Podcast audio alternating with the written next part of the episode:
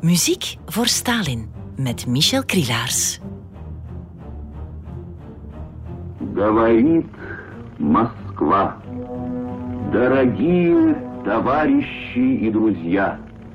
Het is 5 maart 1953 en op de radio kondigt Yuri Levitan, de persoonlijke omroeper van Stalin, zeg maar de grootste radiopersoonlijkheid van de Sovjet-Unie, de dood van zijn baas aan. Иосиф Виссарионович Stalin. Jozef Stalin had eerder die dag, om tien voor tien ochtends om precies te zijn, zijn laatste adem uitgeblazen in zijn dacha nabij Moskou. Niemand die het had zien aankomen. En omdat het zo plots was gebeurd, was iedereen in shock. En dat doet me denken aan de schrijver Vasily Grossman, die buitengewoon opgelucht moest zijn geweest. Zo schreef hij: Stalin stierf ongepland zonder instructie van de leidinggevende organen. Stalin stierf zonder persoonlijke instructie van kameraad Stalin zelf. Deze vrijheid, deze eigenzinnigheid van de dood had iets dynamietachtigs. Iets wat in tegenspraak was met het diepste wezen van de staat. Verwarring beving de geesten en de harten. Beter kun je het misschien niet zeggen.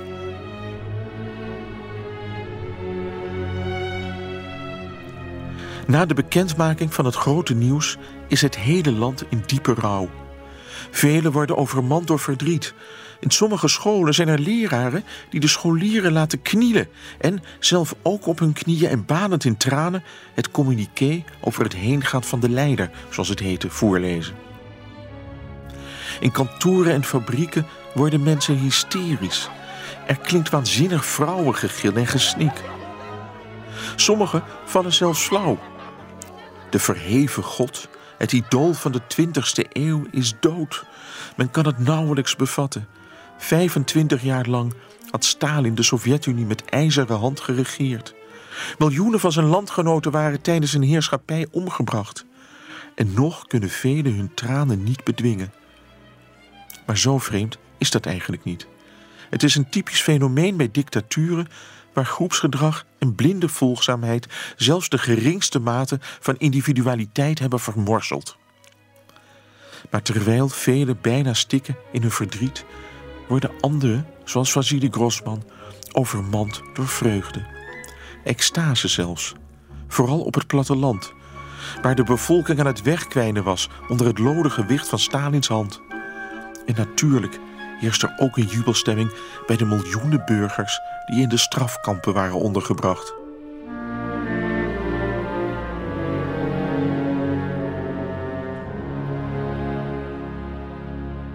Op 6 maart, een dag na het overlijden, wordt de kist met het lichaam van Stalin tentoongesteld in de zuilenhal van het Huis van de Vakbonden in Moskou, recht tegenover het Kremlin. Daar zal hij drie dagen blijven staan. Miljoenen Moscovieten trekken vanuit de arbeiderswijken, al dan niet op bevel van hun bazen, naar het centrum van de stad. Daar willen ze een glimp opvangen van de man die zij als hun vader zagen. Het gedrang in de menigte is zo groot dat duizenden rouwenden worden vertrapt. En ergens half verscholen achter de bloemenweelde bij Stalins doodskist in de zuilenhal staat een piano. En aan die piano zit op dat ogenblik de meest geroemde pianist van de Sovjet-Unie, Sviatoslav Richter. De vorige dag nog had hij in het Georgische Tbilisi, waar hij moest optreden, een telegram uit Moskou ontvangen. En daarin werd hij gesommeerd om het eerste, het beste vliegtuig terug naar huis te nemen. Het was noodweer in Tbilisi en alle passagiersvluchten waren afgelast. Maar omdat Richters aanwezigheid in Moskou dringend gewenst was, mocht hij mee in een transportvliegtuig. En dat vliegtuig was volgestouwd met rouwkransen van de Georgische partijleiding. Direct na zijn landing wordt Richter naar het huis van de vakbonden gereden. En dan moet hij spelen. Maar dan gebeurt er iets vreemds. De pedalen van zijn piano blijken niet te werken. Richter weet eerst niet goed wat hij moet doen. Maar bedenkt dan dat hij die pedalen wat zou kunnen stutten door er een stapeltje partituur onder te leggen. Hij gaat ervoor op zijn knieën zitten. Maar ondertussen lopen achter hem die lange rijen met rouwende mensen voorbij. En die zien die lange man op zijn knieën zitten. En die denken, wat is die daar aan het doen? En dan nog zo vlak naast de kist van Stalin. Misschien is hij wel een bom aan het plaatsen. Er ontstaat rumoer en daardoor is de aandacht van de politie ook ineens gewekt. En inderdaad, die situatie ziet er wel heel verdacht uit, denken zij. Onmiddellijk komen ze in actie. Enkele agenten werpen zich op Richter en trekken hem zo snel als ze kunnen van de piano weg. Die agenten zien hun vergissing snel in, maar Richter is natuurlijk compleet verbouwereerd. Met nog bevende handen gaat hij weer achter zijn piano zitten en zet een lange fuga van Bach in uit het woltempereerde klavier. Niet bepaald plechtige herdenkingsmuziek.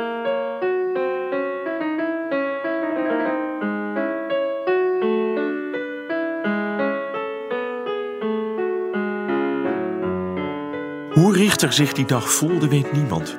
Hij heeft zich er nooit over uitgelaten. Maar iemand van wie we dat wel weten is Veronika Rostropovich, de zus van de beroemde cellist Mstislav Rostropovich. Zij maakt deel uit van een strijkkwartet dat ook was opgetrommeld om die dag te spelen aan de baar van Stalin.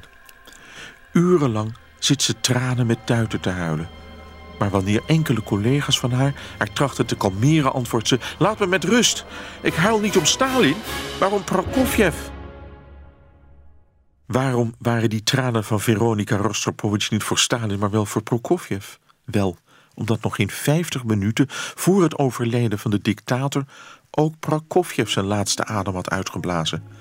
Hij stierf op een steenworp afstand van het Kremlin in de Moskouse kunsttheater Dwarsstraat. Ik ben er vaak geweest. Het is de Ramblas van Moskou. Een reuze gezellige straat met cafés, het beroemde kunsttheater, het bekendste theater van Rusland waar Tsjechovs toneelstukken zijn opgevoerd.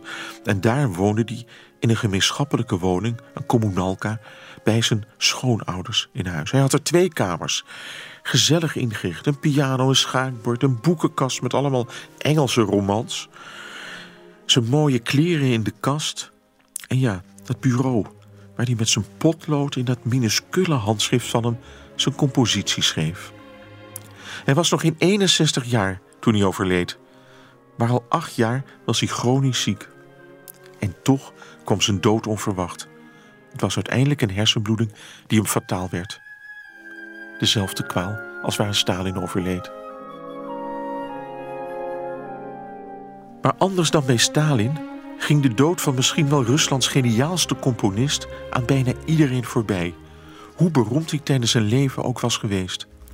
De Pravda stond drie dagen lang vol met het nieuws over de dood van Stalin, maar met geen woord repte men over die van Prokofjev. Hetzelfde geldt voor het leidende muziektijdschrift Savjetskaya Muzika, waarvan de eerste 115 bladzijden werden gewijd aan de dood van de grote muziekliefhebber uit het Kremlin.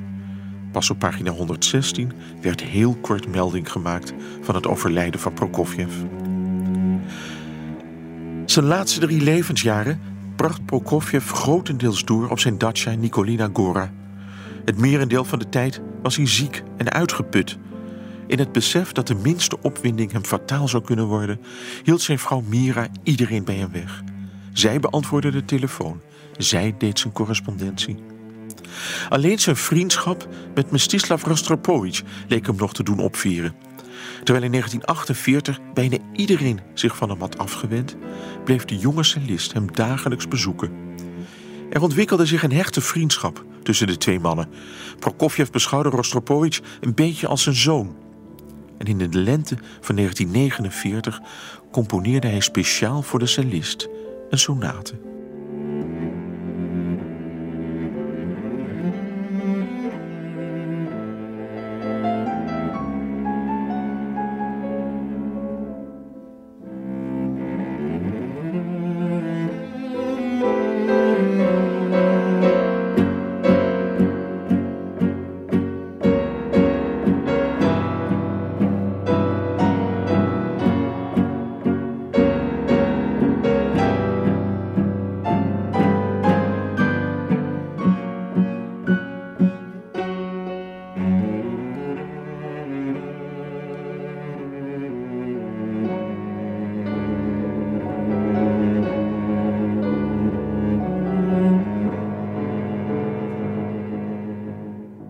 Resolutie van het Centraal Comité van 1948 had Prokofjev tot een paria en een verrader bestempeld.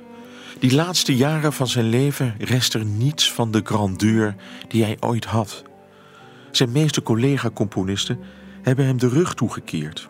En dat komt natuurlijk ook omdat heel veel van zijn werk door de autoriteiten verboden is. Hij merkt het aan alles, aan zijn bankrekening, aan zijn luxueuze levensstijl die hij ineens niet meer kan voeren. Het lijkt afgelopen. Zijn laatste jaren bracht hij dan ook in armoede door. Volgens Rostropovich leed hij nog net geen honger.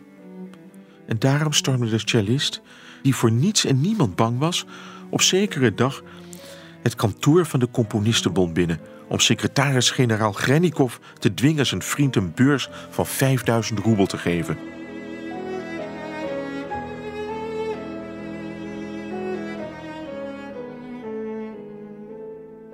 De vermoeide Prokofjev werd voor het laatst in het openbaar gezien op 11 oktober 1952 tijdens de première van zijn zevende symfonie.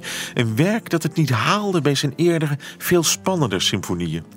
In de finale weerklonk in de eerste versie de mistroostige en desolate belevingswereld van haar schepper. Arme man, denk je dan? In de dagen voor zijn dood klaagde hij tegen Mira dat zijn ziel pijn deed. En het had alles met zijn getemde geest te maken. Op Prokofjevs laatste dag leest zijn vrouw Mira hem s'avonds nog voor uit Gogol's Herinneringen van Tijdgenoten, een van zijn favoriete boeken. Daarna gaat hij naar zijn eigen kamer om wat te rusten. Maar hij heeft de deur nog niet achter zich dicht gedaan of hij komt weer binnenstuiven, slingerend van links naar rechts. Mira, die zich rot schrikt, alarmeert onmiddellijk zijn vaste verpleger en arts, als ook Sviatoslav en Alek, Prokofjevs zoons uit zijn eerste huwelijk. Maar het gaat allemaal heel snel. Wanneer zijn zoons arriveren, is hun vader al overleden.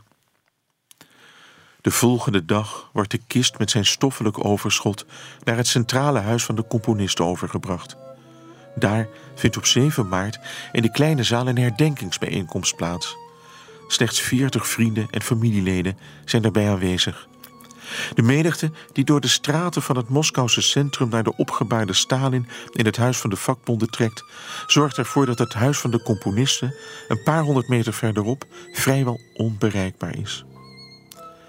Het verdriet van Prokofjevs vrienden wordt er niet minder door. Shostakovich en Gatchaturjan houden een toespraak. David Oistrach voert Prokofjevs eerste vioolsonate uit.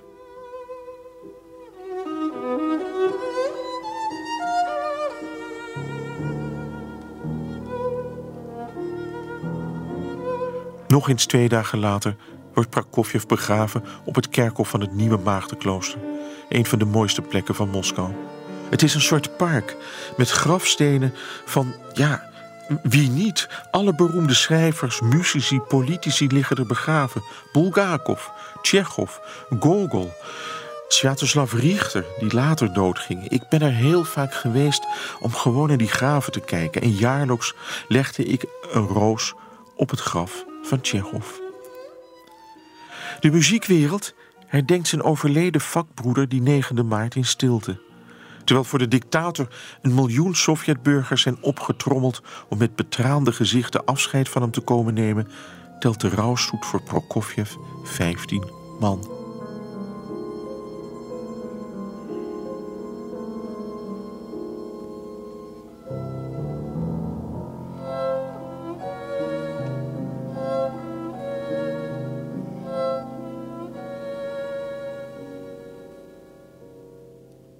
Niet aanwezig is op de begrafenis is Prokofjevs ex-vrouw Lina. Die zit nog steeds in een gulagkamp. Vijf jaar reeds. Ze had haar best gedaan om van daaruit het leven en de carrière van haar ex-man te volgen. Maar ze zou pas maanden later het nieuws van zijn dood vernemen. Het is een medegevangene die het haar vertelt. Die had op de radio gehoord dat er in Argentinië een herdenkingsconcert voor Prokofjev zou worden gehouden. Lina begon te wenen en liep, zonder ook maar één woord uit te brengen, de kamer uit. Wat moet haar verdriet groot zijn geweest? Nog een veelzeggend detail: bloemen om op het graf van Prokofjev te leggen zijn er niet. Die zijn namelijk massaal opgekocht voor de begrafenis van Stalin. Want precies op diezelfde dag, op 9 maart 1953, wordt ook de kist van de dictator bijgezet in het Lenin-mausoleum op het Rode Plein. Отдавая последнюю почесть Иосифу Виссарионовичу Сталину. En zo gebeurt het dus. Terwijl de 15 vrienden en familieleden van Prokofjev om het graf op het terrein van het nieuwe Maagdenklooster staan, worden op amper 5 kilometer daar vandaan op het Rode Plein toespraken gehouden door de kopstukken van de Sovjetleiding voor miljoenen mensen.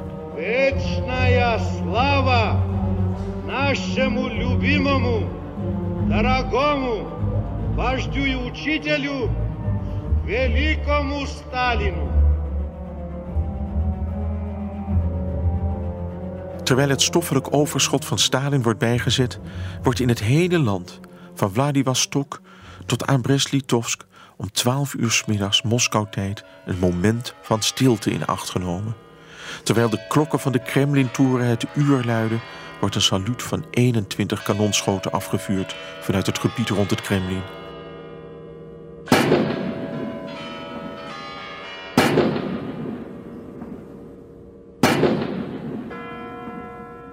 Het geluid van de kanonschoten is nog niet weggestorven of de opvolgingsstrijd onder de kopstukken van de communistische partij barst los.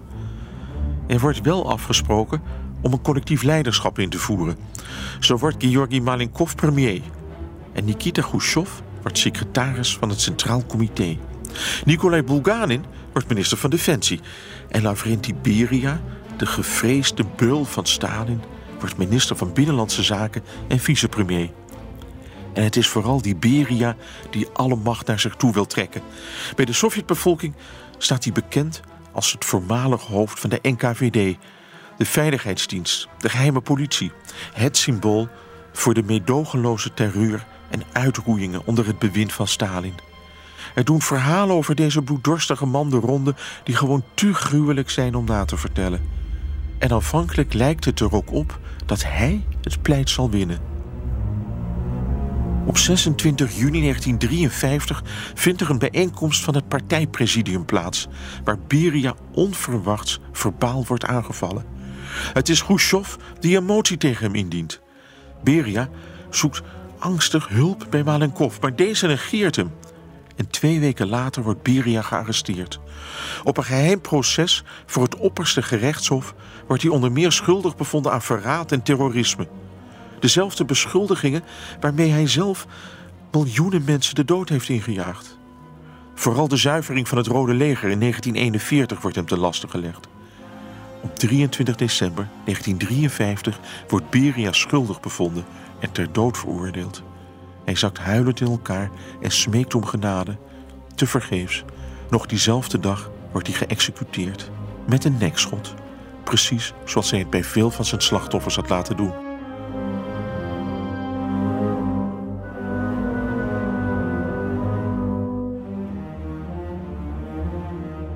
Heel wat mensen zullen die dag een zucht van opluchting hebben geslaakt. Met Beria's dood lijkt een onderdrukkende last te zijn weggenomen, en niet in het minst in de geesten van de Sovjet-kunstenaars en intellectuelen. Maar wat nu? Met de dood van Stalin en zijn bloedhond Beria, zal alles nu anders worden? Dat is nog maar de vraag. En het antwoord is ja en nee.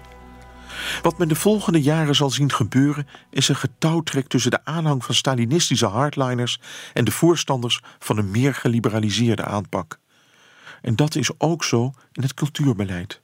Ook dat kent een soort zigzagverloop. Elke periode van betrekkelijke toegeeflijkheid wordt gevolgd door harde eisen voor ideologische inperking. Er is slechts één constante die vrijwel onbetwistbaar blijkt, namelijk het concept van het socialistisch realisme. Dat blijft men handhaven. Maar, opgelet, het kan wel op verschillende manieren worden geïnterpreteerd, zo blijkt.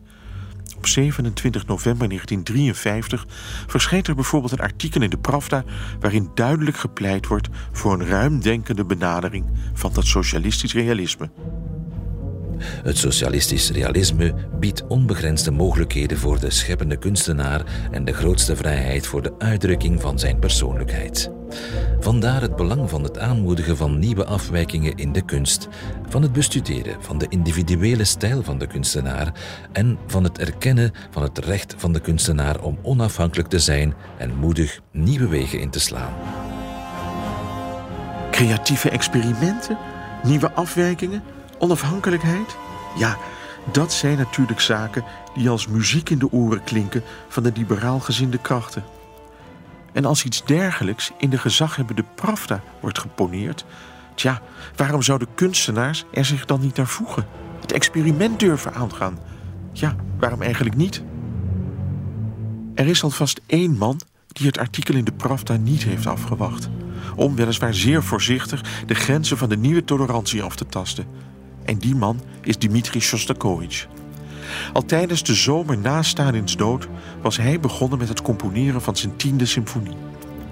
Bij de première op 17 december 1943 zitten luisteraars en critici met open mond te luisteren. Wat ze horen is niet wat ze gewend zijn of verwacht hebben.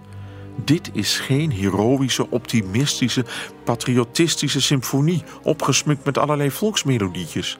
Nee, dit is iets heel anders. Dit is muziek die intiemer is, individueler, meer gespannen ook. Ze drukt een gevoel uit dat veel moeilijker onder woorden te brengen is. Het is dan ook niet verwonderlijk dat meteen na de première er een intense discussie losbarst.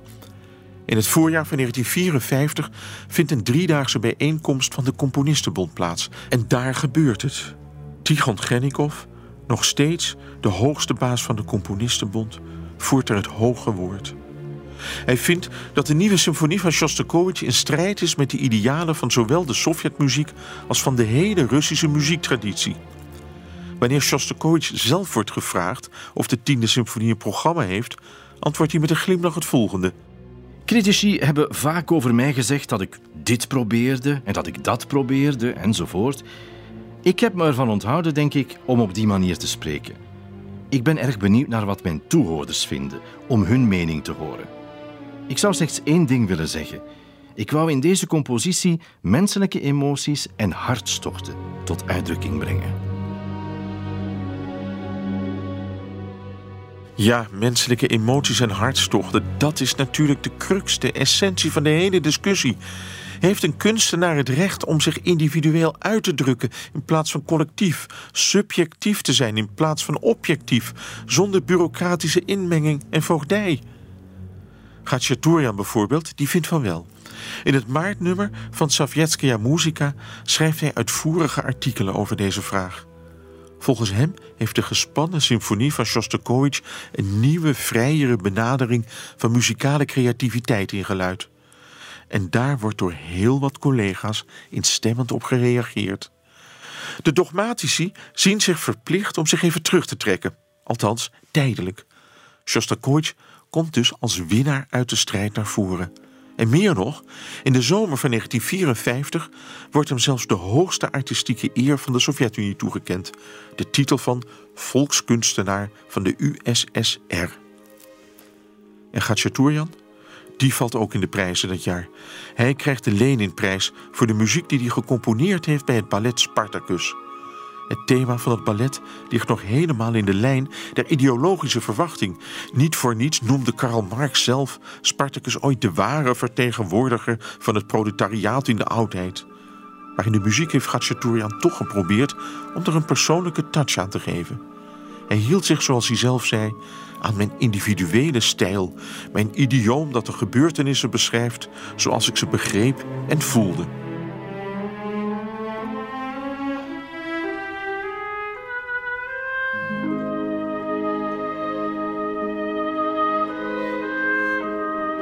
...1954 is dus een jaar waarin men voorzichtig de grenzen van de ideologische doctrine begint af te tasten.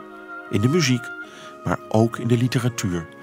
Want de literaire sensatie van dat jaar is een roman van Ilja Ehrenburg...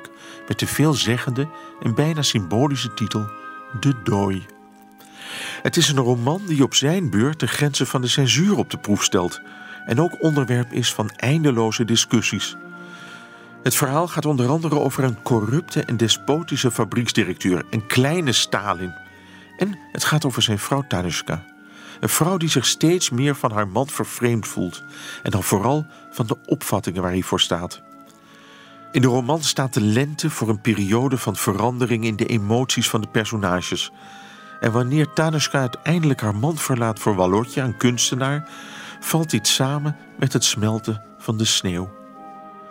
Er staat een mooie passage in het boek, helemaal op het eind, waarin de twee geliefden elkaar treffen op een bankje in het park op een van die eerste weldadige lentedagen. De plassen zijn dan nog bevroren, maar de sneeuw op het grasveld is bijna geheel verdwenen. Prachtig, zei Volodja. Ik ben nog nooit zo blij geweest om de lente te zien als nu. Weet je, toen ik een jongen was, had ik een passie voor het breken van het ijs op plassen. Het is zalig om te doen. Ik ben er een keer tot aan mijn knieën ingezakt. En toen heb ik thuis ruzie gekregen. Ik voel me weer dat kind.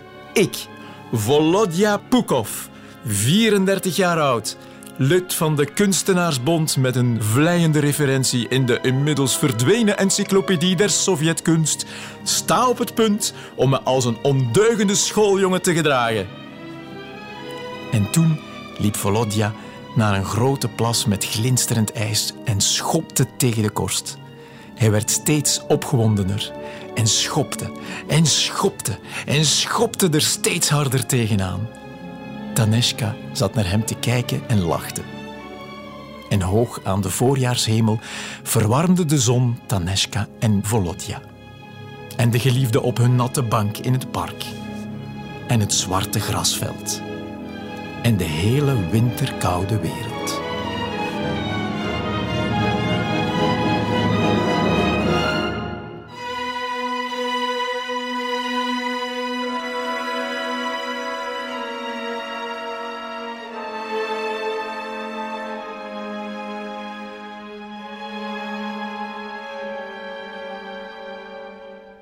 Het moet een gevoel zijn waardoor elke Rus in die dagen bevangen was. Het gevoel dat alles aan het dooien was, alles aan het veranderen was. En tegelijkertijd dat die dooi niet snel genoeg kon gaan. De roman van Ehrenburg gaf trouwens zijn naam aan de periode die volgde op de bevroren politieke periode onder Stalin. De dooi, de culturele dooi of Khrushchevs dooi. Want het is uiteindelijk hij die het allemaal mogelijk maakt. In 1955 slaagt Khrushchev er zelfs in om premier Malenkov te laten aftreden, omdat hij onder vuur is komen te liggen wegens machtsmisbruik en het trage tempo van de hervormingen. Vooral als het ging om de rehabilitatie en vrijlating van de politieke gevangenen. En dat waren er nogal wat, miljoenen zelfs. In vergelijking daarmee leverde Khrushchev zelf aanzienlijke inspanningen. En hij gaat nog een stap verder. In 1956, op het 20ste partijcongres, houdt hij tijdens een besloten vergadering een toespraak waarin hij openlijk het bewind van Stalin bekritiseert. Voor het eerst brengt hij al die misdaden ter sprake, het machtsmisbruik en de persoonsverheerlijking van de dictator. Hij beschuldigt Stalin van geschiedsvervalsing en van ernstige fouten op politiek, militair en agrarisch terrein. Stalin handelde niet uit overtuiging, argumentatie en geduldige samenwerking met mensen, maar door zijn eigen concepten op te leggen en absolute onderwerping aan zijn mening te eisen. Iedereen die zich hiertegen verzette en de juistheid van zijn standpunt probeerde te weerleggen, was gedoemd tot verwijdering.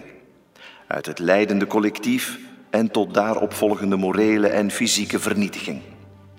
Dit was vooral waar gedurende de periode na het 17e partijcongres, toen vele prominente partijleiders en arbeiders van de partij, eerlijk en toegewijd aan de zaak van het communisme, het slachtoffer werden van Stalins despotisme.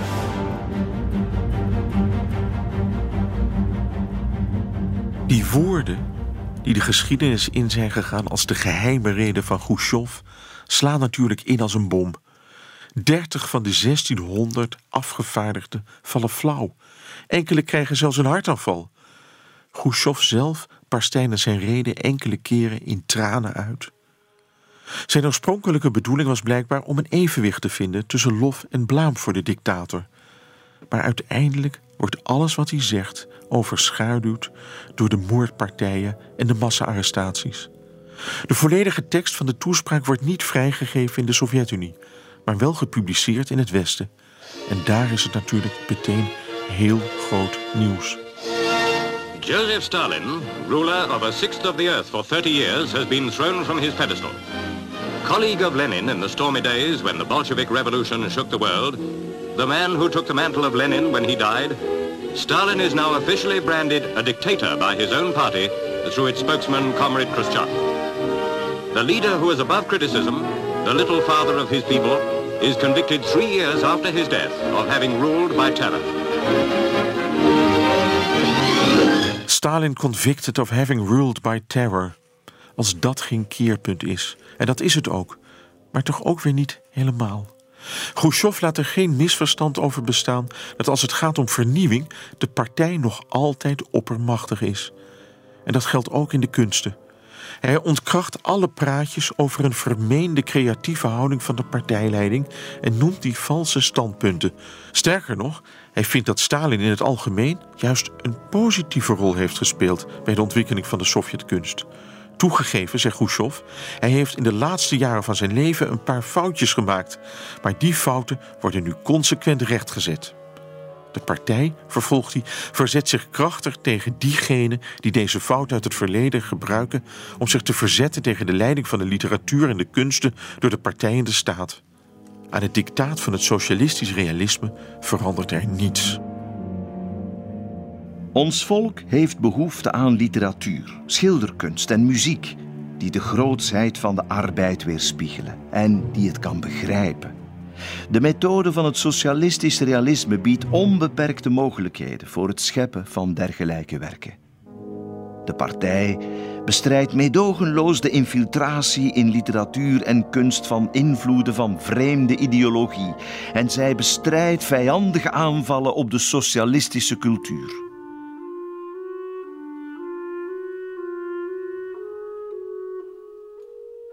Deze woorden van Khrushchev krijgen nog meer betekenis in april 1957.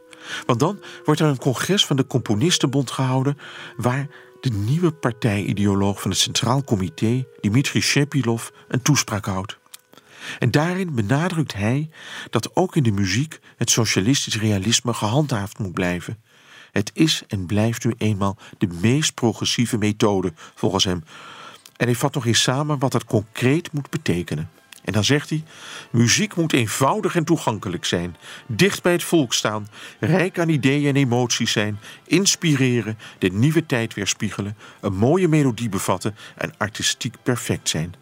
Tja, instemmend geknik is waarneembaar bij de conservatieve componisten. Ongemakkelijk geschuivel zie je bij de progressieven. In welk kamp Shostakovich zich op dat ogenblik precies bevindt, is niet helemaal duidelijk. Hij zit die dag ook in de zaal. Hij staat op en neemt het woord. Het concept van het socialistisch realisme wil hij niet in twijfel trekken, maar, zegt hij, er zou toch de mogelijkheid moeten bestaan voor componisten om onderling te discussiëren over hoe men dat concept kan invullen. En dan voegt hij er ook nog aan toe: die vrije discussie is binnen de Componistenbond altijd eerder verhinderd dan aangemoedigd. En die laatste woorden zijn natuurlijk een sneer naar Grennikov, de secretaris-generaal van de Componistenbond. Er volgt meteen een hartstochtelijk applaus in de zaal. Shepidov en Grennikov kunnen niet anders dan toegeven.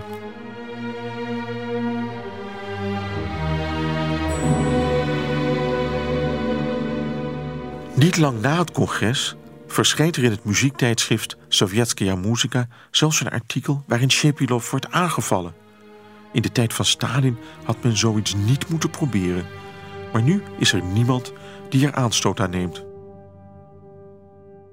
Het zijn duidelijk nieuwe tijden.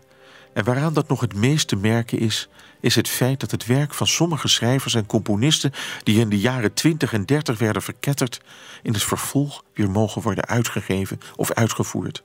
En nog belangrijker misschien, ook aan het zwart maken van de westerse cultuur komt een einde. Niet alles wat uit het Westen komt is noodzakelijk verderfelijke, kapitalistische bourgeoiskunst. En met die herwonnen vrijheid groeit bij de muzici ook de vraag naar westerse muziek. En dan vooral naar het 20e eeuwse repertoire. Men moet beseffen dat de Sovjet-Unie sinds het midden van de jaren 30 vrijwel van de westerse muziek was afgesneden. Een hele generatie Russen was opgegroeid zonder ook maar één noot te horen van de muziek die sinds de Eerste Wereldoorlog in het Westen gecomponeerd was. En dus worden er gretig partituren bestudeerd en westerse plaatopnamen beluisterd. Een nieuwe wereld gaat voor hen open. Ook al blijven er wel restricties gelden. Niet alles kan zomaar voorbij gaan. Zo wordt er door de autoriteiten een zwarte lijst opgesteld van westerse componisten die volgens hen niet door de beugel kunnen. En het zijn vooral de componisten van de dodecafonische school. Geen wonder dat de naam van Arnold Schoenberg helemaal bovenaan die zwarte lijst staat. Maar hoe dan ook, het bloed kruipt waar het niet gaan kan. Ook die dodecafonische muziek zijpelt opnieuw langs alle mogelijke spleten het Russische muziekleven binnen. Zo is er bijvoorbeeld een jonge componist, Volkonsky. André Volkonsky. Amper 22 of 23 jaar is hij, wanneer hij in 1956 als een van de eerste in Rusland begint te experimenteren met twaalftoonstechnieken. Hij schrijft een pianosuite met de titel Musica Stricta.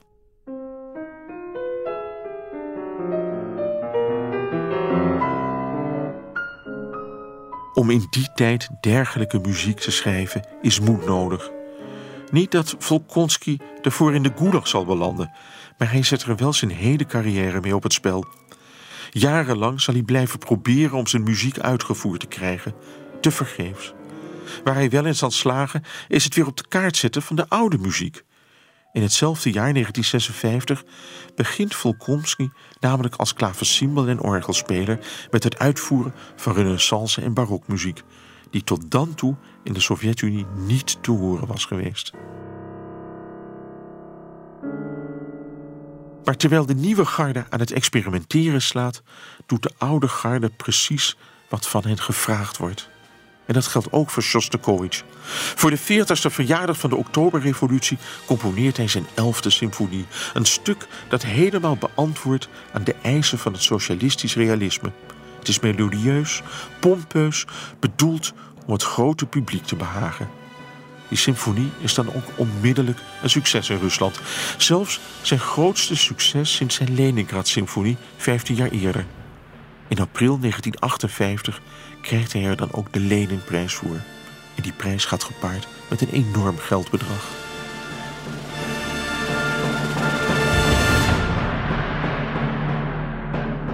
Maar de mooiste bekroning volgt een maand later. In mei 1958 wordt namelijk in het Centraal Comité een nieuwe resolutie aangenomen. Een resolutie die eigenlijk de rectificatie is van de resolutie van 1948. Weet u nog? De resolutie waarin kunstenaars werden beschuldigd van formalisme, waaronder dus Shostakovich.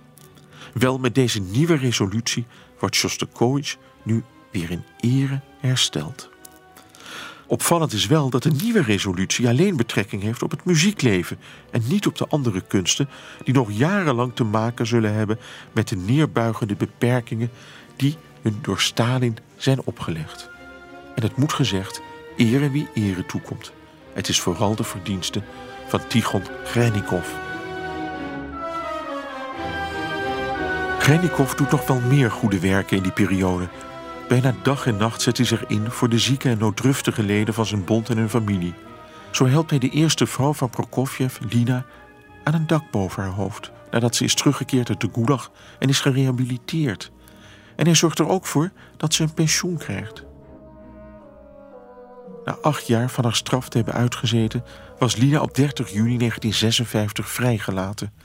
Kort daarna dient ze een verzoekschrift in bij de rechtbank om haar rechten als enige en wettige echtgenote van Prokofjev opnieuw te doen gelden. Grenikov behoort tot de getuigen die door de rechtbank worden opgeroepen. Hij tracht in haar voordeel te pleiten, maar het is te vergeefs. Het Hoge Rechtshof van de Sovjet-Unie beslist uiteindelijk in maart 1958 dat het huwelijk dat in Amerika is gesloten geen rechtsgeldigheid heeft. Lina staat met lege handen. 1958 is ook het jaar waarin Grenikov zijn eerste buitenlandse reis maakt. En de bestemming is Brussel, Want daar vindt een van de grootste internationale gebeurtenissen sinds de oorlog plaats: de wereldtentoonstelling. Mevrouwen, mijn heren, bezield door deze grote gedachte heeft het Belgisch volk de ganse wereld uitgenodigd in ware verbroedering deel te nemen aan de tentoonstelling die wij heden inhuldigen. De grootste machten van West en Oost, al de volkeren, al de rassen, zijn er schitterend vertegenwoordigd. Ik verklaar de wereldtentoonstelling te Brussel 1958 voor geopend. Koning Boudewijn overdrijft niet. Want zelfs de Sovjet-Unie is schitterend vertegenwoordigd. De Russen hebben op de expo een van de grootste paviljoenen. Het staat recht tegenover dat van de Amerikanen, slechts gescheiden door een vijver vol wervelende fonteinen en een draaiende sculptuur. Zes maanden lang zullen er 42 miljoen bezoekers de revue passeren. Het past allemaal bij de nieuwe wind die er in het Kremlin waait en die erop gericht is om de culturele betrekkingen met het Westen weer wat aan te halen. De Russen spelen in hun nationale paviljoen vooral hun ruimtevaarttechnologie uit. Logisch. Nog maar zes maanden eerder, op 4 oktober 1957, hadden ze de Sputnik 1 gelanceerd. De eerste kunstmatige satelliet. Het was een keerpunt in de Koude Oorlog. Tot die dag beschouwden de Verenigde Staten zich verreweg superieur vergeleken met de Sovjet-Unie en geloofden ze dat ook op het gebied van de ruimtevaart en de rakettechniek ze ver voorlagen.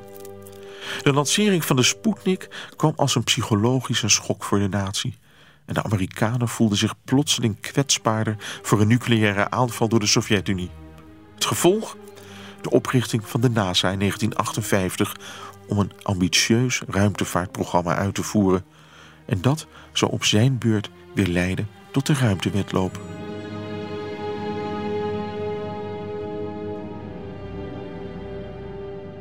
Maar de Sovjet-Unie scheert nog meer hoge toppen.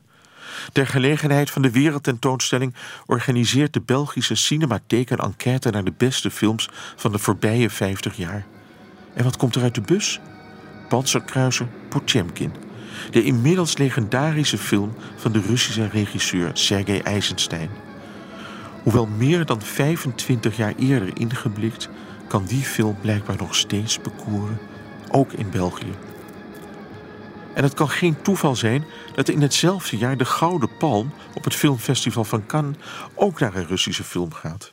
Een film met de titel Als de kraanvogels overvliegen. Het is een romantisch oorlogsdrama geregisseerd door Michail Kalatozov. En het is ook een zeer bijzondere film. Want voor het eerst wordt hier de nadruk gelegd op de gevolgen van de Tweede Wereldoorlog voor het gewone volk. Nergens wordt oorlogsgeweld of overdreven vaderlandsliefde gepropageerd. Nee, in plaats daarvan richt de film zich louter op persoonlijke drama's die een oorlog met zich meebrengt. De film wordt geprezen omwille van zijn verbluffende cinematografie, regie en montage. Regisseur Kalatozov had blijkbaar ook kunnen profiteren van het mildere artistieke klimaat. En daardoor kon hij gebruik maken van moderne montagetechnieken die weer gebaseerd waren op die van onder andere Eisenstein. Maar het is ook het acteerwerk waar de jury in kant van onder de indruk is. Met hoofdrolspeelster Tatjana Samoilova krijgen ze eindelijk een echt menselijk gezicht te zien en geen masker. Er is zelfs een criticus die haar zuiverheid en authenticiteit goedkeurend afzet tegen die van Brigitte Bardot.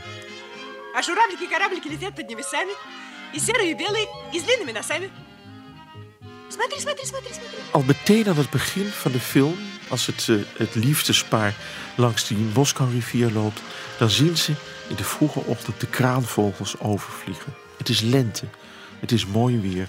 En aan het eind van de film, als de oorlog is afgelopen, de bevrijding er is, zijn daar die kraanvogels weer. Alsof het nieuwe leven kan beginnen. Alsof die kraanvogels die, ja, dat nieuwe leven brengen. Dan, dan zwelt die muziek aan tot een geweldige storm waar er blijft liefde in doorklinken.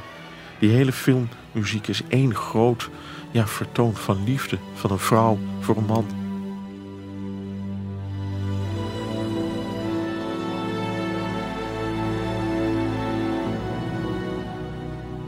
Prachtige muziek van Mieczysław Weinberg. Ik vertelde al eerder over hem. De tragische gebeurtenissen die zijn leven tot dan toe gekleurd hadden. Hoe hij als Jood met veel geluk had kunnen vluchten uit Polen. Zijn familie die hij had moeten achterlaten daar. Het schuldgevoel dat hij eraan overhield wanneer hij na de oorlog verneemt dat ze allemaal zijn omgekomen. Ik vertelde ook hoe na de oorlog zijn schoonvader, de beroemde theaterregisseur Solomon Michoels, geëxecuteerd was vanwege zijn betrokkenheid bij een zogenaamd Joodse samenzwering. En tenslotte hoe Weinberg zelf vlak daarna werd opgepakt, zonder aanwijsbare reden, maar wel maandenlang gevangen werd gezet. De dood van Stalin was zijn bevrijding. De kans is groot dat hij het niet overleefd had. Dat verblijf in de gevangenis heeft zijn sporen nagelaten. Anno 1958 leidt hij een teruggetrokken leven. Meestal zit hij opgesloten in zijn werkkamer. Van angst is hij volkomen wereldvreemd geworden, om het op zijn zachtst te zeggen. Als hij ergens buiten zit, moet hij aan zijn vrouw vragen waar de schaduw is. Zij moet dan zijn stoel verzetten, alsof hij zelf geen plek in de schaduw kan vinden. En als hij in het appartementengebouw waar hij woont met anderen in de lift staat, zwijgt hij en gaat hij in een hoek staan om maar niet met zijn buren te hoeven praten. Zo schuchter is hij. Heel zelden treedt hij nog wel eens op als solist, maar met de activiteiten van de Componistenbond wil hij liever niets te maken hebben. Zijn gezondheid is ook maar alles behalve. Maar ondanks dat alles blijft hij wel componeren, vooral filmmuziek. Daarmee kon je anoniem blijven als componist. En die filmmuziek is zijn redding, want het levert hem flink wat geld op. En die muziek maakt hem beroemd in het Westen. En daarmee wekt hij ook belangstelling voor zijn andere werk. Zijn achtste strijkkwartet bijvoorbeeld. Dat zal in de volgende jaren op het repertoire belanden van heel wat Westerse kwartetten.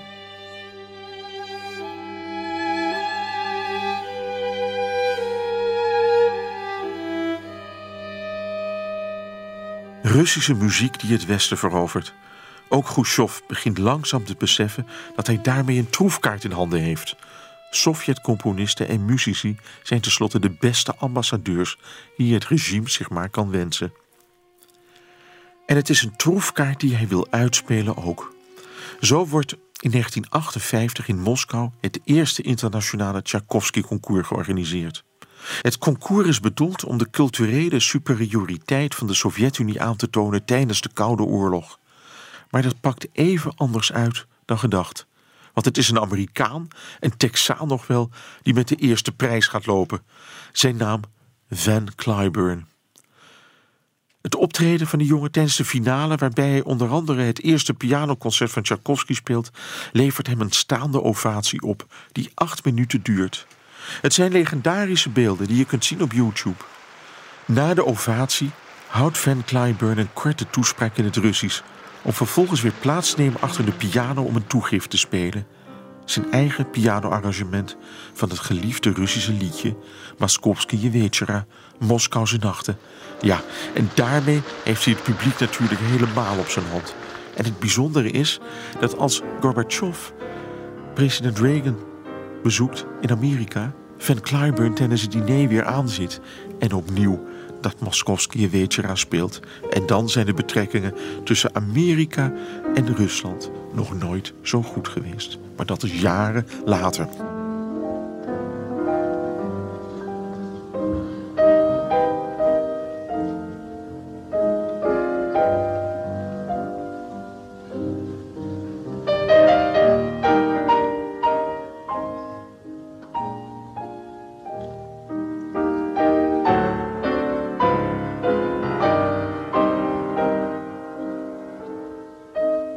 Van Cliburn heeft in 1958 niet alleen het publiek op de hand, maar ook de jury. En in die jury zit Sviatoslav Richter. En die geeft hem de hoogste scores, terwijl hij de andere pianisten een nul geeft. Wat zou het zijn? Zou Richter verliefd zijn op de eveneens homoseksuele Van Cliburn? Zou hij ja, gevallen zijn voor zijn mooie haar? Nee, ook Richter zegt, hij is gewoon de beste. Hij speelt Tchaikovsky als een Rus. Hij is een van ons.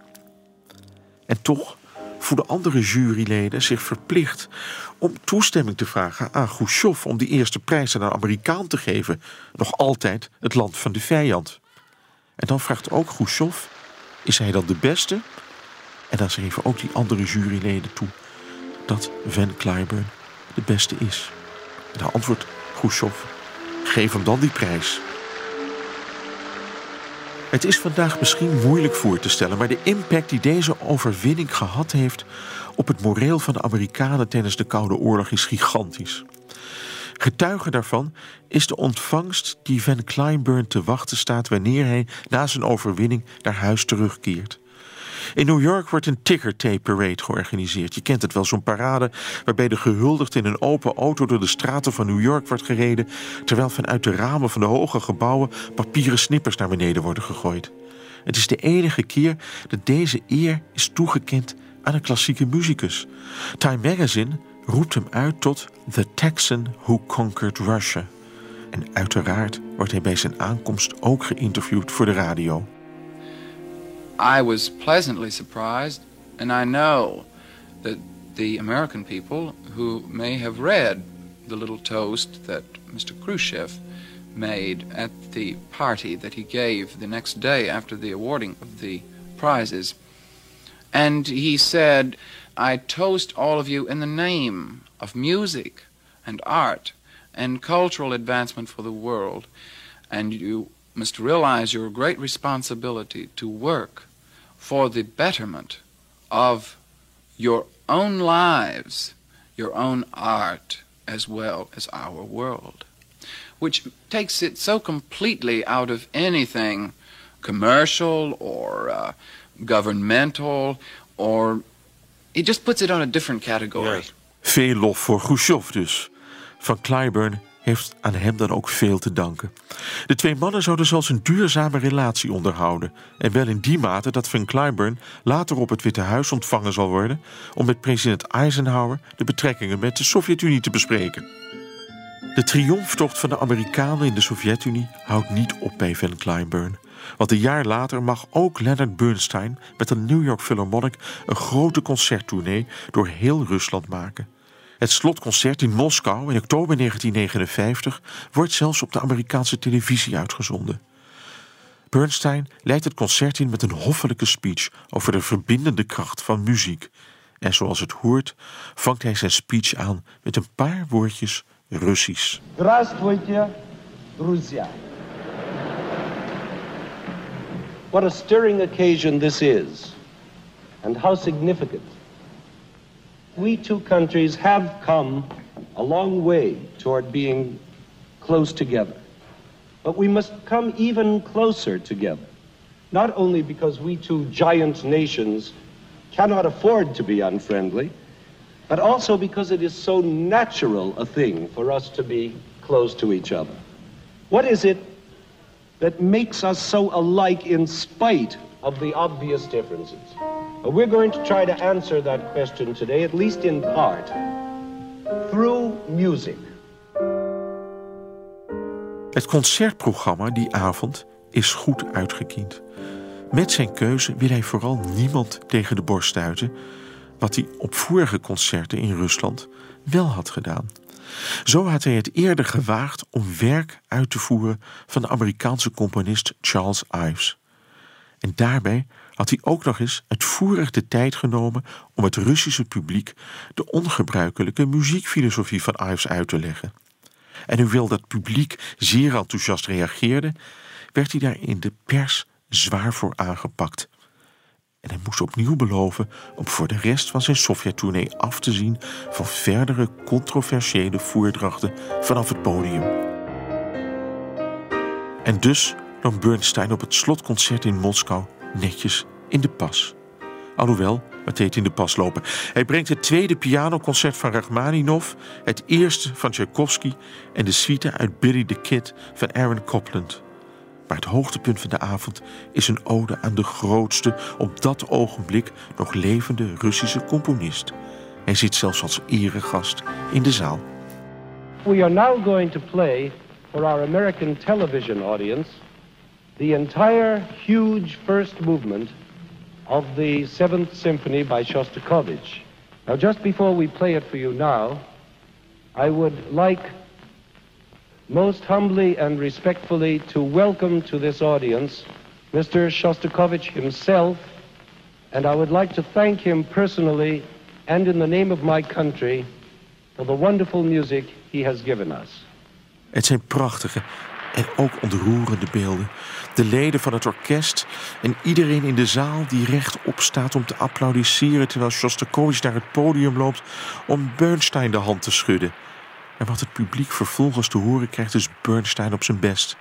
Eén groot brok energie, uitbundig, zoals je hem kent, een en al beweging. Bernstein zat altijd te swingen op het podium. Hevig gesticulerend brengt hij de muziek van Shostakovich helemaal tot leven, in al haar glorie. De zevende symfonie, de Leningrad-symfonie, wordt in de handen van Bernstein iets helemaal anders. Het wordt bijna Amerikaanse muziek, wat gezien de noten heel goed zou kunnen.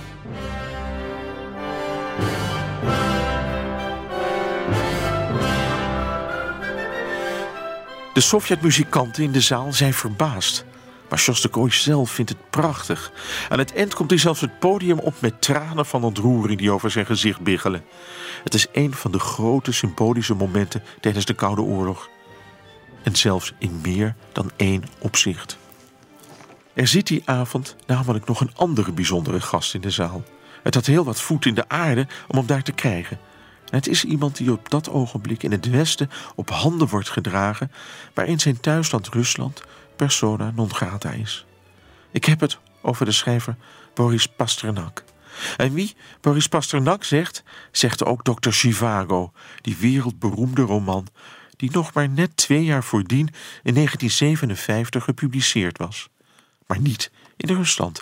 Daar was de publicatie van dit boek verboden. Het boek werd er omschreven als het levensverhaal van een kwaadaardige Filistijn en een vijand van de revolutie. En dat was het in zekere zin ook. Je kunt je dus iets voorstellen bij de verontwaardiging bij de Sovjet-autoriteiten wanneer een jaar later, in oktober 1958, aan Pasternak de Nobelprijs voor literatuur wordt toegekend. Vermeldenswaardig is echter dat de prijs niet alleen voor Dr. Zhivago was, maar ook een erkenning van Pasternak's statuur als dichter. De eervolle vermelding luidde voor zijn belangrijke prestatie, zowel in de hedendaagse lyrische poëzie als op het gebied van de grote Russische epische traditie. Door de Sovjet-autoriteiten werd dit onmiddellijk gezien als een opzettelijk provocerende daad van het Westen. Men had de Nobelprijs volgens hen voorspelbaar aangegrepen als een wapen voor het aanwakkeren van de Koude Oorlog, zo zeiden ze. Het was niets minder dan een politieke daad tegen de Sovjet-Unie. Een dag na de bekendmaking door het Nobelprijscomité werd Pasternak uit de Unie van Sovjetschrijvers gezet. Compleet geïntimideerd door de hetze zag Pasternak uiteindelijk vrijwillig van de prijs af. Vrijwillig, tussen aanhalingstekens. Op 25 oktober 1958 stuurde hij nog een telegram naar de Zweedse Academie waarin hij verklaarde immensely thankful, touched, proud, astonished and abashed te zijn. Op 29 oktober stuurde hij echter opnieuw een telegram waarin hij verklaarde de zogenaamd onverdiende prijs bij nader inzien te weigeren. En dat schrijft hij de betekenis in aanmerking nemend die eraan gegeven is in de maatschappij. Sinds die gebeurtenissen leeft Pasternak in virtuele ballingschappen ergens in een klein dorpje op zo'n 20 kilometer buiten Moskou, helemaal in de steek gelaten door zijn vakbroeders. En terwijl men in Rusland er alles aan doet om hem als het ware in een vergeetput te stoppen, groeit in het Westen zijn status tot bijna mythische proporties. En dat is ook de reden waarom Leonard Bernstein hem al bij zijn aankomst in Rusland een uitnodiging stuurt voor zijn openingsconcert. En die uitnodiging komt natuurlijk niet tijdig aan, die wordt tegengehouden door de KGB. Dus stuurt Bernstein hem opnieuw een uitnodiging, ditmaal voor het slotconcert. En wanneer ze enkele dagen voor dat concert nog altijd geen antwoord hebben ontvangen, is het de vrouw van Bernstein, Felicia, die in actie komt. Ik ga hem zoeken, zegt ze. Met een lid van het orkest, die het Russisch machtig is, springt ze in een taxi en rijdt ze naar het adres dat ze hen gegeven hebben. het schrijversdorp Pierdelkino. Ik ben er twee keer geweest. Eén keer met een Moskouse adellijke weduwe in de Sovjet-tijd. En wij liepen door de sneeuw naar het huis van Pasternak toe. En we gingen naar zijn graf. En toen waren er boerenvrouwen die voor deze dame op de knieën vielden en haar om een aalmoes smeekten. Maar ze waren zo vol ontzag voor deze adellijke dame, die een beroemde uh, muzikologe was, een kinderboekenschrijfster, dat ze gezag afdoen bij iedereen. En later ben ik er nog een keer geweest, ben ik er ook binnen geweest. En toen was ik versteld door de eenvoud in het hele huis. Er stond een uh, vleugel. Uh, Pasternak was een heel erg goede pianist. Hij had net zo goed beroepsmuzikus kunnen worden. En boven op de eerste verdieping stond in zijn schrijfkamer een klein tafeltje waaraan hij zijn gedichten en boeken schreef.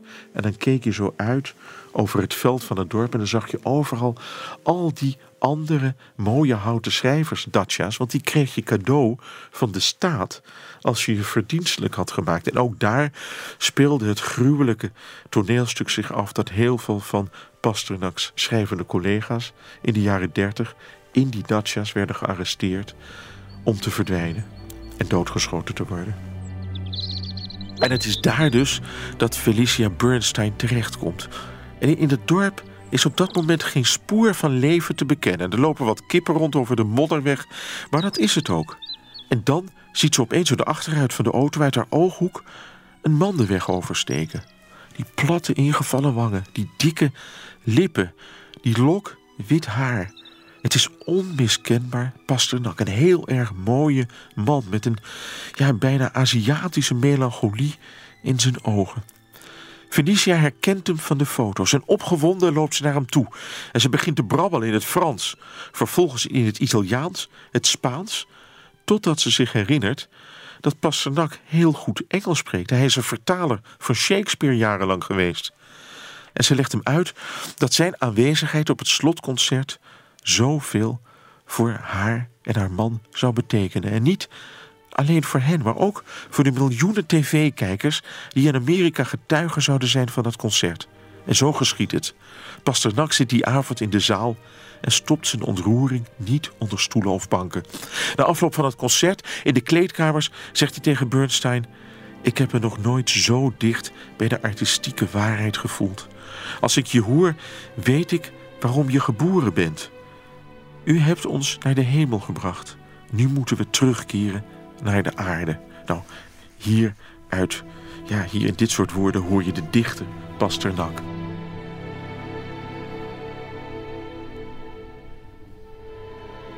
Op dat ogenblik zal Pasternak nog niet beseft hebben hoe akelig voorspellend zijn woorden waren. Want nog een jaar later keert hij letterlijk terug naar de aarde. Hij overlijdt op 30 mei 1960 als gevolg van longkanker. Juist op het moment dat men op het punt stond om hem zijn staatsburgerschap te ontnemen en hem naar het buitenland te verbannen.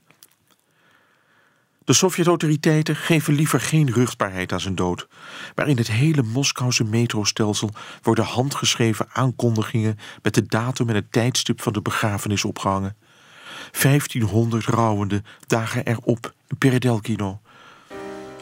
Geen enkele hoogwaardigheidsbekleder, maar wel gewone mensen, studenten, arbeiders, boeren en enkele schrijvers, zoals Ilja Ehrenburg en Konstantin Paustovsky. Het is één langzame, lange stoet die door het huis van Pasternak trekt om zijn opgebaarde lichaam te zien. Volgens Russische traditie ligt dat in een open kist. In de hoek van de kamer staat de vleugel waarop iemand Chopin speelt, de muziek waar Pasternak zoveel van hield. Wel is ook de KGB aanwezig. De agenten nemen schaamteloos foto's van de mensen die langs de baar schuiven. Maar het kan ze niet schelen. Ze gaan gewoon door met groeten en bloemen aan de kist neerleggen. Het is een stille vorm van protest, alsof ze willen zeggen: Het is genoeg geweest. De dood van Pasternak mag niets voor niets zijn geweest. Voortaan zal zijn nagedachtenis het symbool zijn van de verdediging van de vrije meningsuiting.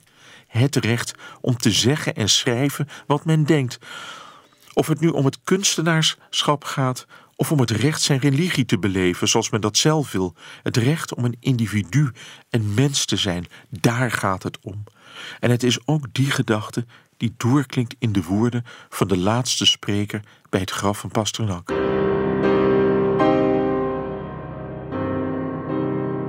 God markeert het pad van de uitverkorene met doornen. En Pasternak werd door God uitgekozen en gemarkeerd. Hij geloofde in de eeuwigheid en hij zal er deel van uitmaken. We hebben Tolstoy geëxcommuniceerd, Dostojevski verstoten en nu verstoten we Pasternak. Alles wat ons glorie brengt, proberen we te verbannen naar het Westen. Maar dit kunnen wij niet toestaan.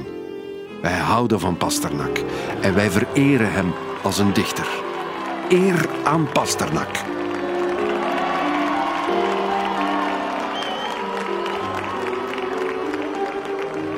Eer aan Pasternak. En bij die laatste woorden beginnen de omstanders te juichen. En op datzelfde ogenblik, alsof God zelf zich ermee bemoeit, beginnen de klokken van de kerk in Pierre te luiden. Wanneer de kist wordt neergelaten, weigeren de mensen te vertrekken. Zelfs uren later staan er nog bewonderaars om het graf. Ze dragen elkaar gedichten voor. Gedichten van Pasternak natuurlijk. Onder het oog van de KGB-agenten. Het is een statement. Een manier om duidelijk te maken... kijk eens, wij zijn niet bang voor jullie. Het graf van Pasternak zou een belangrijk heiligdom worden voor de leden van de dissidentenbeweging in de Sovjet-Unie. En een van die leden is Maria Judina. Weet u nog? Die Bijbelse pianiste waar ik eerder over vertelde. Die vrouw waarvan Stalin een plaatopname van Mozarts 23e pianoconcert gevraagd had toen hij dat op de radio had gehoord. Een moment waarop zij het lef zou hebben gehad om hem een brief te sturen waarin ze schreef dat ze ondanks alle ellende die hij zijn volk bezorgd had voor zijn zielheil zou bidden. Zij dus. Bijna jaarlijks zou ze aan het graf van Pasternak staan. Ze zou dan luidop uit de Bijbel voorlezen. En dat is eigenlijk niet zo vreemd, want Pasternak was, hoewel hij van Joodse kom af was, net als Judina, diep gelovig. Kort voor zijn dood had een priester van de Russisch-Orthodoxe Kerk hem de laatste sacramenten toegediend. En later werd in het strengste geheim een Russisch-Orthodoxe begrafenisliturgie aangeboden in de datsja van zijn familie. Julia en Pasternak hadden elkaar leren kennen in december 1928, toen ze hem verzocht had om de gedichten van Rainer Maria Rilke voor haar te vertalen. Die gedichten had de Duitse componist Paul Hindemith gebruikt voor een lierencyclus. In die lierencyclus wilden ze kunnen begrijpen. Hun kennismaking was het begin van een lange vriendschap waarin beiden elkaar heel erg zouden beïnvloeden. Maar het was ook een vriendschap die haar zuur zou opbreken. Want de dag na de begrafenis van Pasternak wordt ze ontslagen op het Gnezin Instituut, het Moskouse pianoconservatorium waar ze les gaf. De redenen die daarvoor worden aangehaald zijn religiositeit die niet conform is met de communistische moraal en het openlijk propageren van anti-Sovjetkunst zoals het werk van Stravinsky. Zoals steeds reageert Julia zeer koelbloedig op die beschuldiging. Deze herfst ben ik emerita hoogleraar. Ze hebben me het Gnisian Instituut uitgegooid, precies vanwege mijn superioriteit. Vergeef me dat ik het zo zeg. Maar ook vanwege mijn Europeanisme, vanwege alle hoge examencijfers in mijn klas, vanwege de liefde van mijn studenten voor mij, vanwege mijn openlijk beleden geloof in God.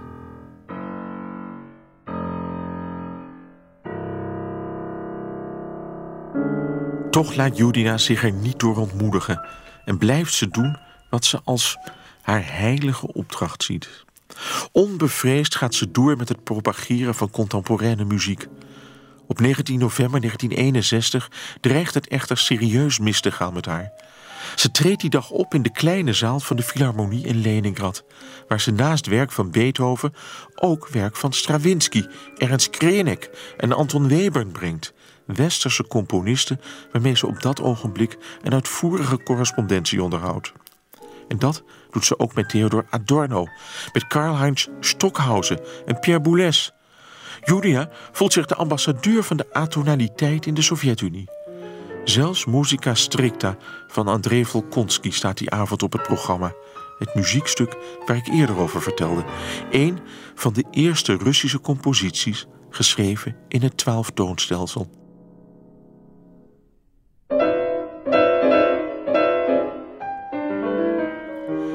Na afloop van het concert staat de zaal op zijn kop. Het jonge publiek met een toegift. Maar Judina, die alles gegeven heeft wat ze in huis heeft, kan niet meer. Ze is uitgeput. En ze steekt haar vingers in de lucht om die te laten zien. En die vingers zitten vol pleisters. Ik was vis voor mijn poes aan het klaarmaken, zei ze over de diepe krabsporen op haar handen. Maar nu kan ik niet meer. Mijn geest is bereid, maar het vlees is zwak. Ik kan niet langer spelen. En wat doet ze vervolgens? Ze begint een gedicht van Pasternak voor te dragen. Ja, en dat is natuurlijk de druppel. Eerst dodecafonie en dan nog wat poëzie van Pasternak erbovenop. Er zijn limieten aan wat de autoriteiten kunnen verdragen. Op bevel van de KGB zal haar voortaan de toegang tot de harmonie worden ontzegd. Vooral de grote zaal met zijn mooie witte zuilen en voortreffelijke akoestiek zal ze missen. Maar zelfs na deze dwangmaatregel weigert Judina voor de machthebbers te buigen en blijft ze wanneer ze maar kan de nieuwe muziek uitvoeren. En natuurlijk gedichten van Pasternak voordragen.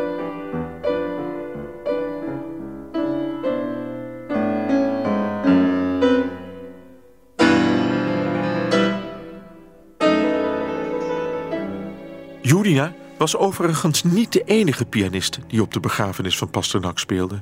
De man die Chopin speelde bij die open kist in de kamer was namelijk Sviatoslav Richter. Die andere grote ster aan het firmament. Ook Richter had al sinds de jaren 40 een nauwe vriendschappelijke band met Pasternak. Op zijn bureau, in zijn Moskouse appartement, zag ik dan ook een portretfoto van Pasternak staan. Alsof het zijn beste vriend was, alsof het zijn geliefde was. En zo'n band met zo'n omstreden dichter maakte Richter in de ogen van de autoriteiten natuurlijk zeer verdacht. Al een hele tijd werd hij geschaduwd door de KGB. Hij merkte dat voor het eerst tijdens een tournee door de Sovjet-Unie. In Baku, de hoofdstad van Sovjet-Republiek Azerbeidzjan, merkte hij dat hij gevolgd werd door een verdacht individu. En Richter besloot een spelletje met zijn anonieme achtervolger te spelen door het af en toe op een lopen te zetten. Dat ging maandenlang zo door. Op een dag in Moskou staat er in de bus een man recht tegenover hem. Wanneer Richter hem vraagt of hij bij de volgende halte zal uitstappen, zegt die man ja, waarop Richter antwoordt: Maar ik niet. Die man wordt lijkbleek en kan natuurlijk niet anders dan uitstappen, want anders zou hij verklappen wie hij was. Het is een grappige anekdote, maar het maakt de Richter wel degelijk zeer ongerust. De kans dat hij in zijn appartement wordt afgeluisterd is zeer groot. En dat betekent dat hij zeer voorzichtig moet zijn en over bepaalde dingen moet zwijgen. Over zijn homoseksualiteit bijvoorbeeld en de angst dat dit zou uitkomen. Die angst zit er diep bij hem in. Gelukkig kan hij rekenen op zijn vriendin Nina Dorliak, een zangeres met wie hij samenwoont en wie hij voor de buitenwereld een koppel vormt.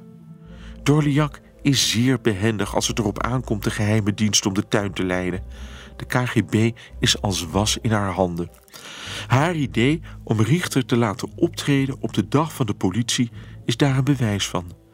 Dankzij haar zijpelt over zijn homoseksualiteit niets naar buiten, terwijl al zijn vrienden weten hoe het werkelijk is.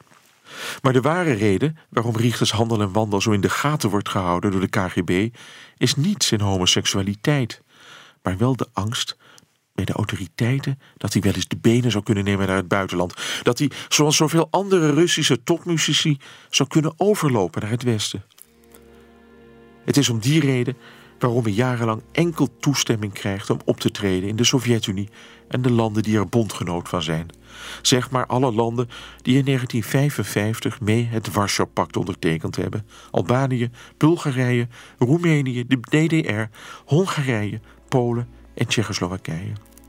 Richter zou later zeggen dat de vrees van de machthebbers over zijn mogelijke overlopen onterecht was. Hij hield nu eenmaal te veel van Rusland. Nooit zou hij enige aanvechting hebben gevoeld om de Sovjet-Unie te verlaten. Ook al adviseerden de meeste van zijn geëmigreerde landgenoten hem om dat wel te doen. Zijn liefde gold nu eenmaal Rusland. Met zijn natuur, zijn oneindigheid, zijn cultuur, zijn schrijvers, zijn melancholie. Tegen die schoonheid kon niets ter wereld op. Je kunt je iets bij die liefde voorstellen, zeker als je het leven van Richter beziet op de dag dat hij geen concerten gaf of repeteerde. Dan verbleef hij op zijn dachas in Nikolina Gora, buiten Moskou, of in Tarusa, in een kleine blokhut aan het water. Daar sloot hij zich soms wekenlang op als hij niet op tournee was. Hij verkeerde dan in zo'n diepe depressie dat hij niemand wilde zien. En tijdens zo'n bui lag hij de hele dag op kussens op de vloer. Die kussens waren trouwens iets heel bijzonders. Kussens waren in die tijd een luxe product in de Sovjet-Unie en dus zeer schaars. Maar tijdens een concertreis in Polen was Richter erin geslaagd om er een hele grote partij van op te kopen, een treincoupé vol. En die had hij vervolgens naar zijn dacha Turusa laten sturen. Het was overigens op diezelfde reis dat de eerste westerse plaatopname van Richter gemaakt werd door Deutsche Grammophon.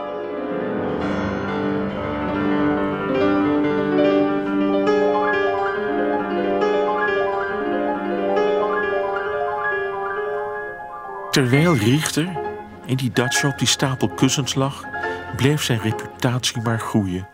Ook in landen die niet tot het Warschau-clubje behoren. Bij het ministerie van Cultuur in Rusland komen er dan ook alsmaar meer aanvragen binnen voor Richterconcerten. En dan was er nog de druk van andere prominente muzici, vaak vrienden van Richter, die wel toestemming gekregen hadden om westerse tournees te maken. Overal waar ze kwamen werden ze geconfronteerd met de vraag: waarom kunnen we Richter niet horen? Het ministerie van Cultuur weet dus niet goed wat het moet doen. En bovendien moeten die ambtenaren daar op hun beurt toestemming vragen aan de leden van het Centraal Comité. En die weigeren. Nu wil het toeval dat er een geheim ambtsbericht uit die tijd is uitgelekt en daardoor krijgen we een perfecte inzage hoe het er achter de schermen bij dit soort beslissingen aan toe ging. En daardoor komen we ook de precieze reden van de weigering te weten. Richter is geen lid van de partij. Hij is ongetrouwd en heeft geen kinderen of familie in de Sovjet-Unie.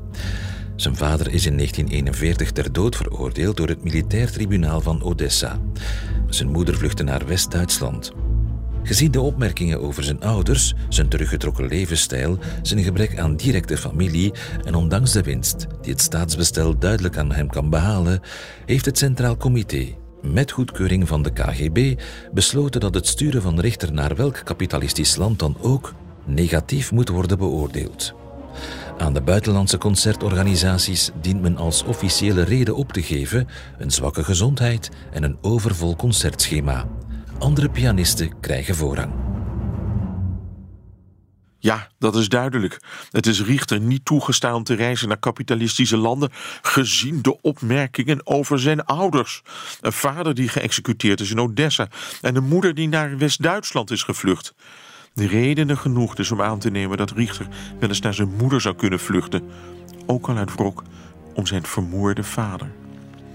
Maar daarmee maakt het Centraal Comité wel een inschattingsfout. Niet alleen is Richter met hart en ziel verankerd in Russische bodem, hij voelt ook geen enkele aandrang om zijn moeder te gaan opzoeken. Sinds de oorlog heeft hij elk contact met haar verbroken. Het is een verhaal dat ik al eerder vertelde. Richter achtte zijn moeder verantwoordelijk voor de dood van zijn vader. Het was immers zij die per se wou achterblijven in Odessa toen in 1941 de troepen van de vijand begonnen op te rukken. Het was zij die absoluut bij haar minnaar wou blijven en op die manier, weliswaar ongewild, haar man naar de slachtbank dreef. In de nacht van 6 op 7 oktober 1941, tien dagen voordat de vijand Odessa binnentrok, werd hij met een nekschot terechtgesteld op beschuldiging van spionage voor de vijand. Een flagrante leugen was het natuurlijk. Het enige wat hij gedaan had, was voor de oorlog, toen hij pianoles gegeven had aan de kinderen van een Duitse consul. De kinderen van de vijand dus. En dat was voldoende voor die kogel. Richter kon het zijn moeder niet vergeven. Hij zou zelfs bijna twintig jaar in de overtuiging leven dat ook zij is omgekomen in de oorlog. Niets is minder waar.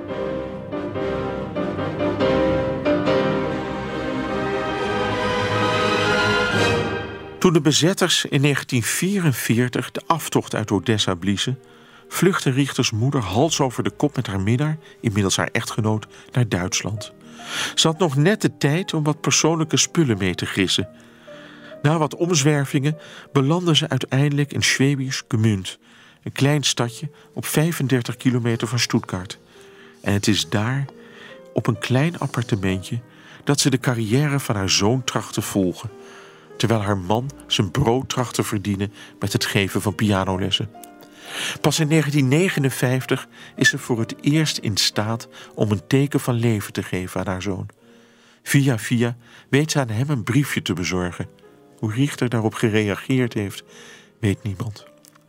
Moeder en zoon zullen elkaar voor het eerst in levende lijven terugzien op 19 oktober 1960. En nog wel in New York. Want jawel, in 1960 was het Centraal Comité uiteindelijk wel gezwicht voor de vraag om Richter in het buitenland te laten optreden. Men was blijkbaar tot het besef gekomen dat ze zich door een rigide houding zelf in de verlegenheid brachten. De aanhoudende inspanningen van Sol Hurok, een machtige Amerikaanse impresario van Russische komaf, deden de rest. En dus werd in maart 1960 eindelijk het groene licht gegeven voor Richters Amerikaanse tournee. Hij verovert het Westen stormenderhand. Meteen krijgt hij overal platencontracten aangeboden. Voor één ervan laat hij zich uitbetalen in een Citroën DS. Vooral Richters New Yorkse debuut in Carnegie Hall is legendarisch. Het is ook daar dat hij herenigd wordt met zijn moeder. Speciaal voor die gelegenheid is zij overgevlogen uit West-Duitsland. Maar de reunie vindt pas na dat concert plaats. In het huis van tot Amerikanen genaturaliseerde familieleden van de Richters op Long Island. Hoe dat weerzien verlopen is, weet niemand. Maar het feit dat Richter in de zomer van 61 zijn moeder gaat opzoeken in Duitsland, wijst er toch maar op dat hij haar inmiddels vergeven heeft. In Schwäbisch Gmünd leidt mevrouw Richter haar zoon door het appartement en laat ze hem de foto zien die zij uit een oude huis in Odessa heeft gered. Hij is ontroerd, maar meer nog wanneer zijn moeder komt aanzetten met de manuscripten van zijn eerste eigen pianocomposities. Hij staart er geconcentreerd naar, terwijl de vingers van zijn rechterhand de noten in de lucht spelen. In een roes van herinnering schudt hij zijn hoofd. Maar opeens wordt hij uit die roes gehaald wanneer een kanarievogeltje dat in de keuken zit begint te chilpen. Ik wil de vogel zien, roept hij uit. Hij springt op en loopt meteen naar die keuken. Het is alsof hij de hele atmosfeer van zijn moeders huis in één machtige, zinnelijke teug in zich wil opnemen. Richter verblijft uiteindelijk maar enkele dagen bij zijn moeder. Soms is hij ook opeens verdwenen. Hij was een man die een zekere mate van eenzaamheid nodig had. En als die momenten aanbraken, ging hij er gewoon vandoor. Hij maakt lange wandelingen in de omgeving. En opmerkelijk, niet één keer gaat hij tijdens dat verblijf bij zijn moeder aan de piano zitten om te oefenen. Maar zo was hij. Richter oefende alleen wanneer hij daar zin in had. En soms raakte hij maandenlang geen piano aan.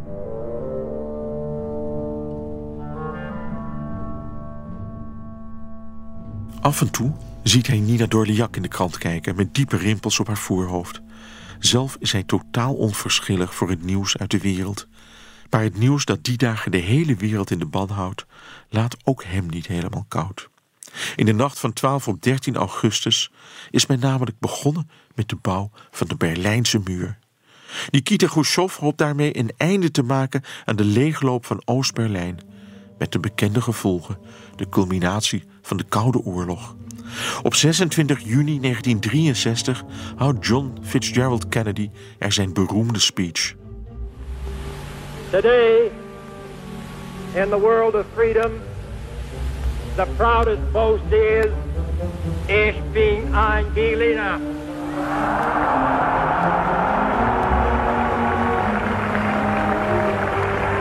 Uh, there are many people in the world who really don't understand, or say they don't, what is the great issue between the free world and the communist world.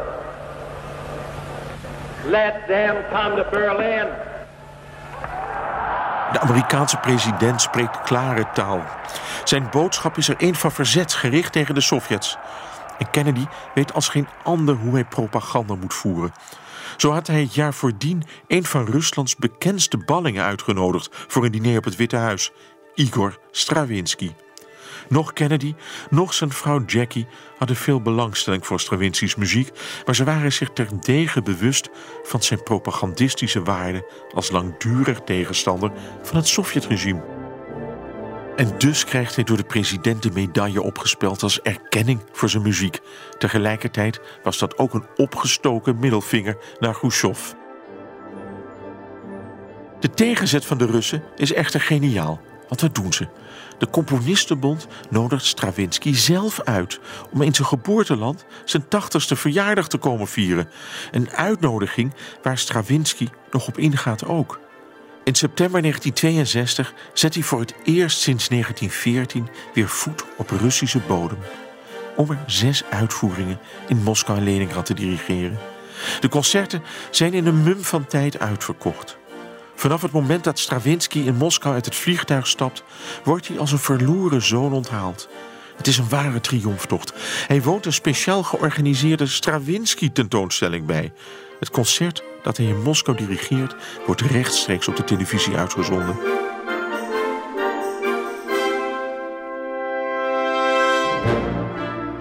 Het is vooral een bezoek in Leningrad, het vroegere Sint-Petersburg, waar hij als kind en jongvolwassene 50 jaar eerder had gewoond, die confronterend is. Tijdens een diner in het Kremlin in Moskou houdt Stravinsky een emotionele toespraak.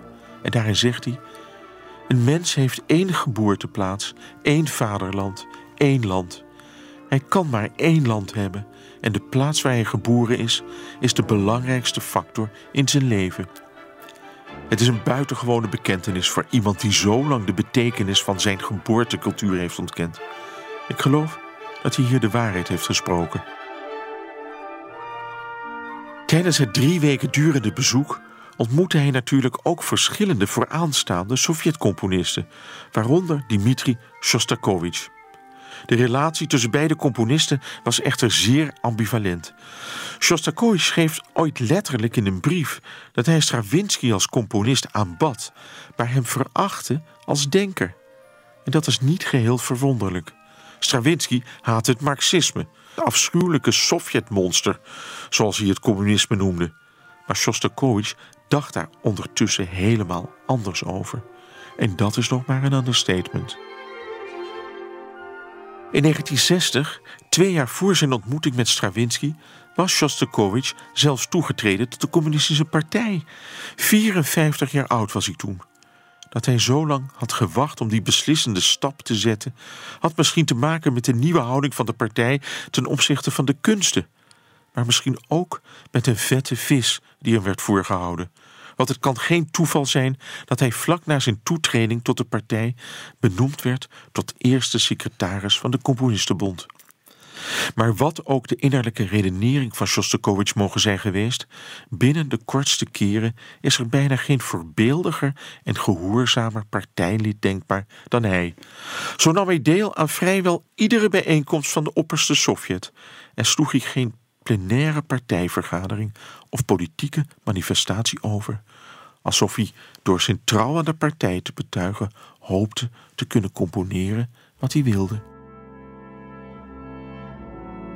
Zijn standpunten maakte Shostakovich duidelijk in een artikel dat hij op 7 september 1960 in de Pravda publiceerde onder de titel De kunstenaars van onze tijd.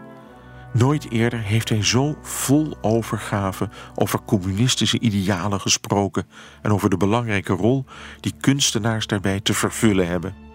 Nu het land de periode van de opbouw van de communistische maatschappij is ingegaan, is de missie van de Sovjet-kunstenaar groot en opwindend geworden. Shostakovich is trots op het feit dat een partij muziek beschouwt als een middel om het volk op te voeden.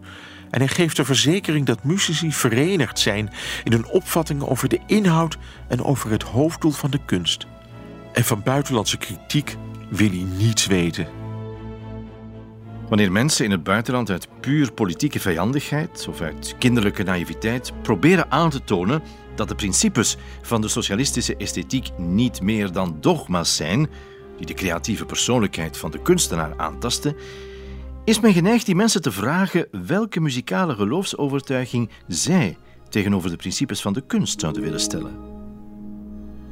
Deze loyaliteitsbekentenis wordt gevolgd door een minachtende verwijzing naar de aspecten van westerse kunst. En dan schrijft hij: de ongegronde, ruw formalistische experimenten die niets met kunst te maken hebben. Vooral het twaalftoonsysteem, de dodecafonische muziek, moet eraan geloven. De geschiedenis van de muziek kent geen dogmatischer en onvruchtbaarder systeem dan de zogenaamde dodecafonische muziek gebaseerd op mathematische berekeningen die kunstmatig zijn geconstrueerd. Het heeft de ziel van de melodie gedood. Het heeft de schoonheid van de harmonie vernietigd. En tegelijkertijd alles vernietigd wat de menselijke kwaliteit van de muziek werken doet. Het is bijna alsof Shostakovich zelf een strijder tegen het formalisme is geworden. Later zal hij zich voor dat fanatisme verontschuldigen door het te beschrijven als een marteling door verveling. Hij was een marionet van de partij geworden en applaudisseerde wanneer anderen dat deden. Maar er gaat iets gebeuren dat hem en hem niet alleen tot inkeer brengt. Het is een gebeurtenis die het hele culturele klimaat zal veranderen.